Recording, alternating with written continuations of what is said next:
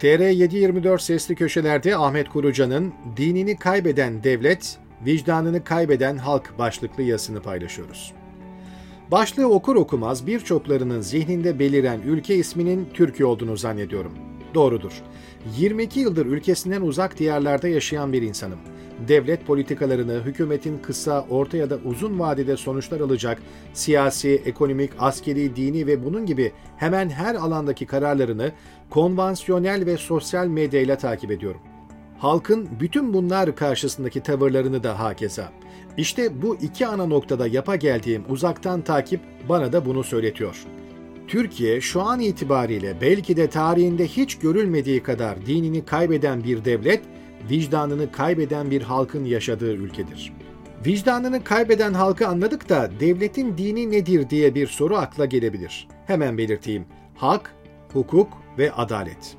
Bırakın Türkiye tarihini, dünya tarihine şimdi olmasa da yakın bir gelecekte mal olacak o meşhur sözü hatırlayın. Yargı siyasetin köpeğidir. Vicdanlarının en duyarlı ve en canlı olması gereken yargı mensupları bu sözü nasıl içlerine sindiriyor bilmiyorum ama maalesef yargı mensuplarının birçokları nice zamandan beri kendi vicdanlarıyla değil, tasmalarını ellerine verdikleri siyasi figürlerin emirlerine göre karar veriyorlar. Devlet ve hükümet el ele, yargı eliyle adaleti bir tokmak gibi kullanarak vatandaşına orantısız güç kullanarak resmen zulmediyor. Çoklarının dediği gibi hapishaneler masum insanlarla dolu. Milyonlarca insan terörist ve vatan haini suçlamasıyla hüküm giymiş durumda. Yıllardır hapishanelerde çürüyorlar. Daha ötesine gerek var mı bilmiyorum. Şu söz her şeyi açıklamaya yetiyor aslında. Dünyada hırsızların dışarıda, hırsızları yakalayanların hapishanede olduğu tek ülke Türkiye'dir şu anda. Benim bu söze iki itirazım var. Evet, bu gerçekle beraber onun sebebiyet vermiş olduğu olumsuzlukların en yoğun ve en kapsamlı biçimde yaşandığı ülke dünya genelinde Türkiye'dir.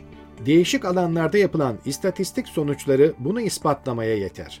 Siyasi davalar sayısı, hapishanelerin doluluk oranları, yerel, yargıtay ve anayasa mahkemelerindeki dosya sayısı ve iş yoğunluğu, enflasyon oranı, özgürlük indeksindeki yerimiz, işsizlik, dinin siyasete eklemlenmesi, rüşvet, yolsuzluk, uyuşturucu kullanımı ve satışı, mafya devlet birlikteliği, hapiste olan gazeteci sayısı, ifade özgürlüğü indeksindeki yerimiz vesaire.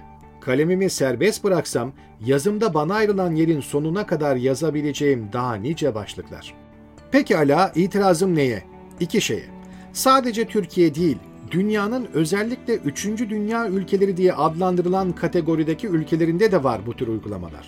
İkincisi ise sadece bugün ve bu seviyede değil ama dün de böyleymiş Türkiye. Bu vesileyle şimdiye kadar değişik platformlarda yaptığım itirafı bir kez daha yapayım. Ben bu gerçeği son yıllarda idrak ettim. Devlet, beni ve insanlık, ülke, din adına yaptığı yararlı işlerden dolayı ait olduğum sosyal yapıyı düşman kategorisine koyup tasmasını bıraktığı insanları üzerime, üzerimize saldığı zaman anladım. Evet, dün de böyleymiş dedim benim güzel ülkem. Bu ülkede devletin makbul vatandaş kategorisi içine koymadığı herkese ve her kesime aynı tarzda muamelede bulunmuş devlet erki. Kürtlere, Alevilere, Ermenilere, solculara, dini azınlıklara ve şimdi cemaate. Sosyal medyada gördüğüm birkaç kare fotoğraf bu yazıyı yazmaya itti beni. İstanbul'da hasta ve infazı yakılan tutukluların ailelerinin adalet nöbetine polisin yaptığı müdahalede 70'ini aşmış Kürt Zeynep anneye gösterilen şiddet vicdanı ölmemiş herkesin yüreğini burktuğu gibi benim de burktu. 6 yıldır böbrek kanaması geçmeyen tutuklu KYK'lı Kamil Acar'ın sağlık durumu kötüleşmesine rağmen denetimli serbestlik hakkı verilmemesi herkesin vicdanını kanattığı gibi benim de kanattı. 85 yaşındaki 28 Şubat generallerinden Vural Avar'ın cezaevinde vefat etmesi herkesi üzdüğü gibi beni de üzdü. Basına ve sosyal medyaya yansımayanlar bir kenara, yansıdığı kadarıyla her gün onlarcasını izlediğimiz, duyduğumuz, okuduğumuz bu haberler başlıkta okuduğunuz tespiti yaptırdı bana.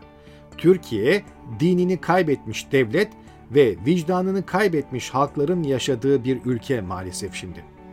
Son sözüm Türkiye dün de böyleymiş ama bunun şiddetinin artırılması, kapsamının genişletilmesi, kendilerini muhafazakar Müslüman olarak adlandıran sözde İslamcı ama özünde hırsız, arsız ve yolsuz olan insanlara düştü.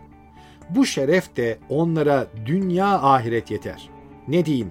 Zalimler için yaşasın adalet ve zalimler için yaşasın cehennem.